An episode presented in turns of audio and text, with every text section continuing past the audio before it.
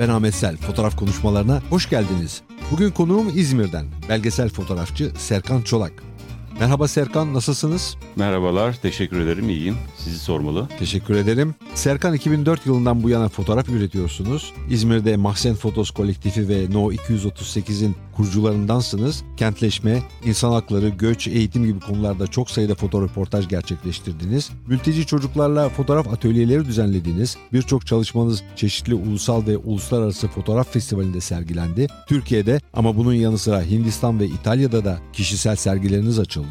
Uluslararası ortamda birçok dergide işlerinizden seçkiler yayınlandı, yayınlanıyor. Amerika'da Bronx Documentary Center'ın açık arttırmalarına son 3 yıldır fotoğraflarınızla destek veriyorsunuz. 2019 yılında ilk kitabınız On the Road yayınlandı. Serkan neden fotoğraf çekiyorsunuz? Fotoğrafı ifade aracı olarak kullanıyorum. Kendimi ifade etme aracı olarak diyebilirim ve etrafımda görüp tanık olduğum şeyleri anlatma ihtiyacından yola çıkarak fotoğraf çekiyorum. Fotoğraf sizin hayatınıza nasıl girdi? Bunu biraz anlatın. Fotoğraf benim hayatıma 2004 yıllarında girdi. Aslında o dönemde tabii ki bir anlatma ihtiyacıyla girmişti. İşin aslı biraz bir şeyler yazıp çizerdim. Ama bir süre sonra fark ettim ki yazdıklarımı benden başka kimse okumuyor. Ve bu şekilde görsel bir anlatı dili keşfetmeye çalıştım. Ve tabii geniş açı diye bir yayınla tanışmam fotoğraftaki bu isteğimi ve anlatma ihtiyacımı kamçıladı diyebilirim.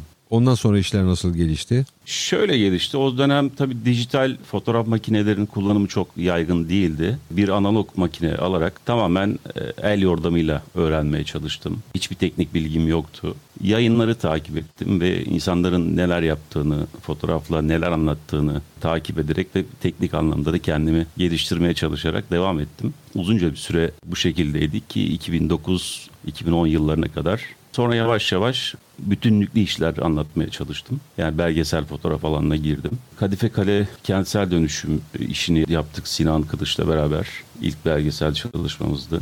Ardından yine Reş ve Aquadis diye iki çalışma yaptık. Bunlar toplumsal belgesel işlerdi. Bu şekilde 2015-16 yıllarına kadar belgesel fotoğrafta yoğunluklu bir çalışmam oldu. O tarihten sonra belki biraz da ülkenin içinde bulunduğu ortam, baskıcı diyebileceğimiz bir ortamla beraber daha çok içe dönük fotoğraflar üretmeye başladığımı söyleyebilirim. Serkan sizin bu yolda karşılaştığınız ve beraber işler yaptığınız bir arkadaşınız var Sinan Kılıç. Geçen hafta fotoğraf konuşmalarının konuğuydu. Evet. İzmir'den Sinan Kılıç. Mahsen diye bir fotoğraf kolektifi kurdunuz. Daha sonra yine Sinan'la No 238'i kurdunuz. Neden hep kolektif işlere yönelme ihtiyacını duyuyorsunuz? Ben bunu merak ediyorum. Çünkü hep böyle diğer fotoğrafçıları da bir araya getirmek, ortak işler üretmek gibi bir çabanız var. Halbuki fotoğraf çok bireysel bir iş. Neden bu ihtiyacı hissediyorsunuz? Yani ihtiyaçlar aslında karşılaştığımız durumlarla paralel ilerledi. Mahsen Fotos kolektifi 2013 Gezi döneminde kurulan bir e, kolektifti. Gezi'nin getirdiği ruh, toplumsal hayatın bütün alanlarını etkilediği gibi fotoğrafı da etkiledi ve çıkış noktamız biraz oydu. Fotoğraf dediğiniz gibi çok bireysel bir alan gibi görülse de düşünme ve üretim pratiklerinde ben o kadar da bireysel bir alan olduğunu düşünmüyorum. Yani elbette ki fotoğrafçı fotoğrafı çekerken tek başına o işte dektanşörü basma anında ama fotoğrafçı oraya getiren o dektanşör kısmına getiren başka birçok altyapı var. Biz de beraber düşünüp birlikte üretme pratiğiyle yola çıktık aslında Sinan'la. Ve çok böyle spontane gelişen bir şeydi. Mahsen Fotos'la beraber ilerledi. Ardından No 238'de de yine bir ihtiyaç pratiğinde yola çıktık. Çünkü bir mekan sıkıntısı vardı İzmir'de. İşlerimizi sergileyebileceğimiz alanlar çok kısıtlıydı. Ve kendi alanımızı kendimiz yaratmaya karar verdik. Yani böyle aslında kendi yolumuzu kendimiz açarak ilerledik. Bu yolda bizimle beraber üretim pratiğine katılan arkadaşlarımız oldu. Çoğalarak aslında devam ediyor süreç. Yaptığınız işlerin içeriğinden söz edeceğiz tabii bu konuşmada. Mahsen Fotos kolektifini ve No 238'i söylediğiniz siz de İzmir'de evet. kurdunuz. İzmir bu işler için uygun bir şehir mi? Çünkü İzmir'in belki de yanıltıcı bir imajı var işte sahil, tatlı hayat. Böyle bir görüntüsü var İzmir'in ama bir de İzmir'in varoşları var. Gece kondu mahalleleri. Son yıllarda göç yollarının kavşak noktası olan bir yer. Bir dört yol mütevazı diyelim. İzmir bu bakımdan ilginç bir şehir ama ilginç olduğu kadar da sanatsal faaliyetlerin en azından son 2-3 yıla kadar oldukça düşük seviyede ilerlediği bir yerdir. Şimdi bir hareketlilik izleniyor gerçekten. Fotoğrafçıların da katkılarıyla sergi alanları çoğalıyor. İzmir nasıl bir şehir sizin için? İzmir aslında tuhaf bir kent. Bir Akdeniz kafası var. Her şeyin hızlıca tüketilmediği, yavaş yavaş gelişen durumları barındırıyor. Öyle bir kent. Üretime de yansıyor. Hızlıca üretilip hızlıca tüketilmiyor. Daha böyle her şey yavaş yavaş olur, rayına girer kafası var ama bunun tabii çalışma disiplini anlamında dezavantajlarında olduğunu düşünüyorum. Yani mecra tabii büyük bir problem oluyor burada. İstanbul'daki bir kültür sanat ortamı yok. Mecralar sıkıntılı. Ama son 4 yıldır diyebiliriz birçok inisiyatif, birçok kültür sanat alanı açıldı. Onda şunun da etkisi olduğunu düşünüyorum ben açıkçası. İstanbul'dan çok büyük bir göç var İzmir'e. Yanılmıyorsam pandemi öncesinde 30 bin kişiden bahsediliyordu ve bu sayı giderek artıyor. Tabi bunun içinde sanatçılar da var ve geldikleri yeri mutlaka dönüştürüyorlar. Fakat ben bu dönüşümün de böyle biraz İzmir kafasıyla olması gerektiğini düşünüyorum yavaş yavaş. Ve o İzmir ruhunu koruyarak bunun ilerlemesi gerektiğini düşünüyorum. Ama baktığınızda İzmir'den öte Bence bu ülkede, ülkemizde bu işler biraz zor. Yani sürdürülebilir olmak çok zor. Zaman zaman konjüktürel baskılar artıyor. Bunlarla baş edebilmek çok zor. Ama bir şekilde hayatta kalıp yolumuza devam etmeye çalışıyoruz. Yani mesela 5-6 yıl önce çoğu yerde gösterebildiğimiz işleri bir dönem hiçbir yerde gösteremedik. Böyle de sıkıntılar var. Kendi mekanınızı e, yaratma ihtiyacı da buradan kaynaklanıyor herhalde. Tabii yani en büyük motivasyonumuz buydu. Özgürce hiçbir baskıya uğramadan kendi işlerimizi, kendi sesimizi ve bizim gibi düşünen arkadaşların kendi işlerini sergileyebileceği alanlar yaratmak çıkış noktamız buydu. Toplumsal belgesel çekiyorum diyorsunuz. Aslında siyasi bir fotoğraf yapıyorsunuz siz. Evet yapıyordum. Bıraktım diyemem ama dediğim bu 2015 sürecinden beri ülkede o bahsettiğimiz kaotik ortam, bunun etkisiyle biraz da içgüdüsel bir şey diyebiliriz. Hayatta kalma, bir şekilde hayatını devam ettirme içgüdüsüyle biraz uzaklaştığımı söyleyebilirim.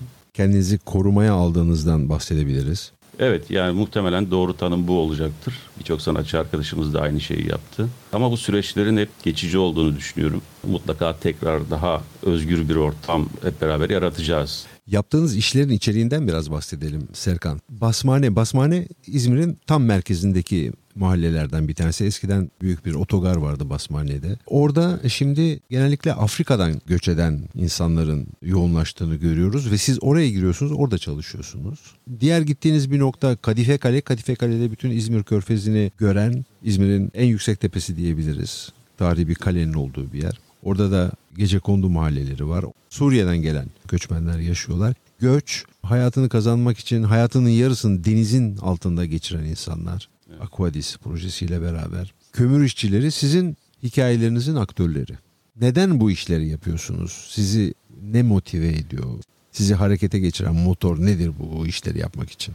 Beni motive eden bu işleri, bu tarz işleri yapmamı sağlayan en önemli şey tanıklık olması gerek. Mesela Basmane'de hiç unutmadığım bir an görmüştüm. Yaklaşık 15 tane çocuk, küçük çocuk birkaç battaniyenin üzerine koyulmuş ve birbirlerine sarılmışlar üşümesinler diye anne babaları oraya koymuş. Şimdi siz bu sahneyi görüp geçip gittiğinizde içinizde bir şeyler kalıyor ve bunu anlatma ihtiyacı hissediyorsunuz. Böyle bir motivasyon var. Ya da işte Aquadis'ten bahsettiğimizde her gün bu körfezde beline kadar suda midye toplayan insanları gördüğünüzde bu insanlar ne yapıyor? Nereden geldiler ve nasıl bir yaşam sürüyorlar? Bunu tabii sınıfsal da ele aldığınızda anlatma ihtiyacı hissediyorsun. Ya da kömür işçilerinden de bahsedebiliriz. Kömür işçileri de bir güzel bahçede vadiye yaptığım bir gezi sırasında bir dumanın peşinden gitmek de karşımıza çıkan bir şeydi. Ve çok orada ilginç bir hayat devam ediyor. İlginç derken hani çok yabancı olduğumuz bir hayat değil. Hem Sinan'ın hem de benim.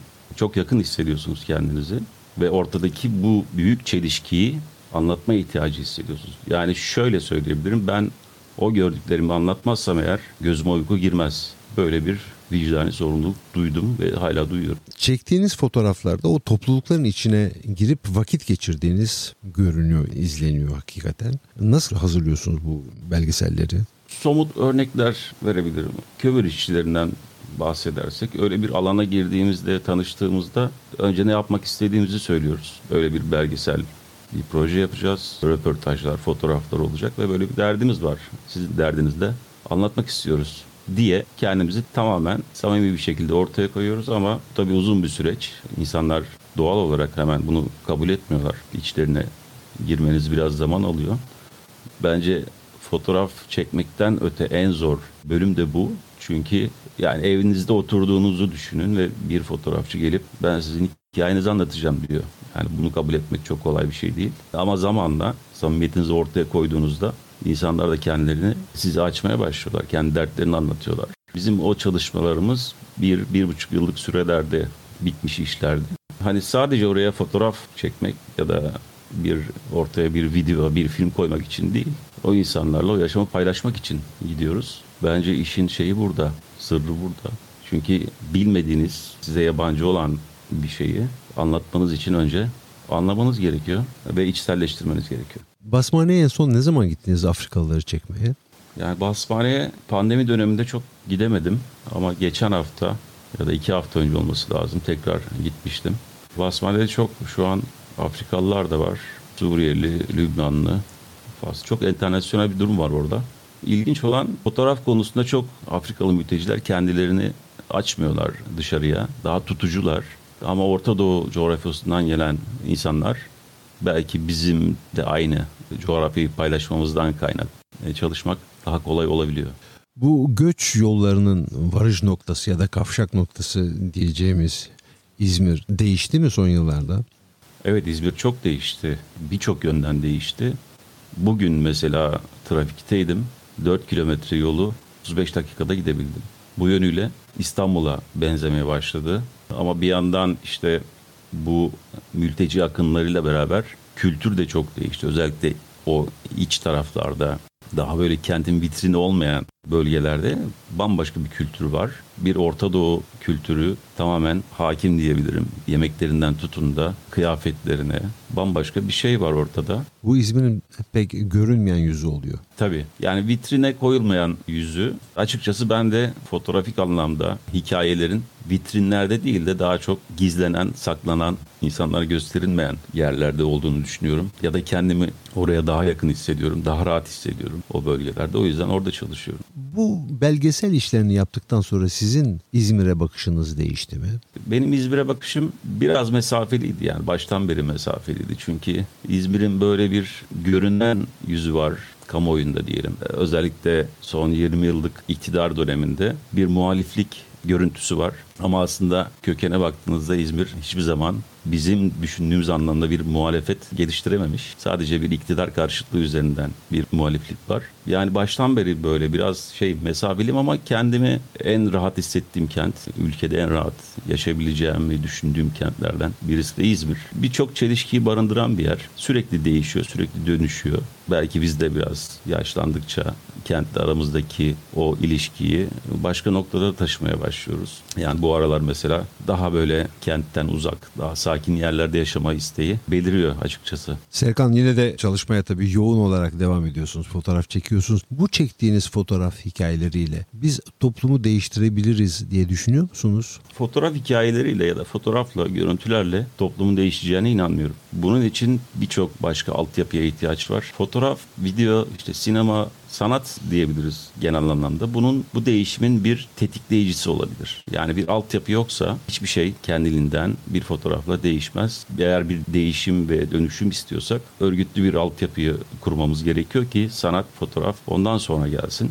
Açıkçası ben değiştirmek ve dönüştürmek için anlatmıyorum bu hikayeleri. O altyapıya oluşumuna bir nebze de olsa katkıda bulunabilmek için anlatıyorum. 2019'da bir kitap yayınladınız. Başlığı On the Road, Yolda. Ne anlatıyorsunuz bu kitapta? O kitapta aslında tam da az önce bahsettiğimiz o son ülkenin 5-6 yıllık sürecinde kendi yaşadığım çelişkileri, kendi ruh halimi anlatıyorum. Tamamen kişisel bir hikaye.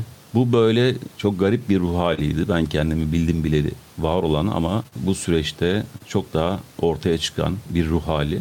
O da şöyle açıklayabiliriz. Orada zaten kitapta da bir Lahain filminden bir replik fotoğrafları eşlik ediyor. Buraya kadar her şey yolunda diyor. Fakat aslında bir düşme hikayesi, bir düşüşün hikayesini anlatıyor. Sürekli bizim günlük hayatımızda, rutinimizde kendimize söylediğimiz bir yalan. Buraya kadar her şey yolunda, her şey çok iyi. Fakat baktığımızda her şey o kadar da iyi değil. Böyle bir mottosu var kitabın. 33 fotoğraftan oluşuyor. Self publish olarak yayınlamıştım. 500 kopyaydı. Yani benim için bu içinde bulunduğum süreci e, anlatan bir, bir kitap oldu diyebilirim. Bu kitabı bir yayın evi tarafından yayınlatmayı düşündünüz mü? Yayın evi hiç düşünmedim açıkçası. Çünkü fotoğraf kitabı hani bir zaten edebiyatın birçok alandaki kitaplar da o kadar satmıyor ki fotoğraf kitabı bizim ülkemizde neredeyse Hiç satmıyor diyebiliriz. Çok az, çok çok az. binlerce, on binlerce belki fotoğrafçı var ama siz 500 kopya bir kitap yaptığınızda hepsini satamıyorsunuz. Böyle bir çelişki var. O yüzden yayın evleri de fotoğraf işine girmek istemiyorlar doğal olarak. Kar edemeyecekleri bir işe girmiyorlar. Ben de yapacağım dedim ve self publish olarak yayınladım. Masrafını kendim karşıladım. Dağıtımını kendim karşıladım. Ama ummadığım kadar da iyi olduğunu düşünüyorum yani başlangıç için bence güzel bir deneyimdi. Tekrar yapar mıyım böyle bir şey? Şu ekonomik şartlarda gerçekten çok zor diye düşünüyorum. Serkan, hayatınızı kazanmak için fotoğraf çekmek zorunda değilsiniz. Bu da size fotoğrafa ilişkin daha büyük bir özgürlük sağlamıyor mu? Evet bu benim kendimi en özgür hissettiğim alanlardan birisi. Çünkü fotoğraftan para kazanmak zorunda değilim. Geçimimi öyle sağlamıyorum ve istediğim her e, hikayeyi anlatabilirim. Bir sansüre uğramadan anlatabilirim. Ticari iş yapmak zorunda olmamak beni çok rahatlatıyor. Çünkü ticari bir iş yapmaya kalktığında fotoğrafa bakışımın, o yaratmaya çalıştığım özgün bakışın körelebileceğini düşünüyorum. Bundan tedirgin oluyorum. O yüzden kendimi evet özgür hissettiğimi söyleyebilirim. Serkan bu söyleşiye katıldığınız için teşekkür ederim. Ben çok teşekkür ederim. Bugün konuğum İzmir'den bir belgesel fotoğrafçı Serkan Çolak'tı. Bu yayını Spotify, Apple, Google ve diğer tüm podcast platformlarından dinleyebiliyorsunuz. Ama geçmiş yayınları da dinlemek, konuklarım hakkında detaylı bilgi almak isterseniz sizi www.fotoğrafkonuşmaları.com adresine beklerim. Önümüzdeki pazar yeni bir yayında buluşmak üzere, hoşçakalın.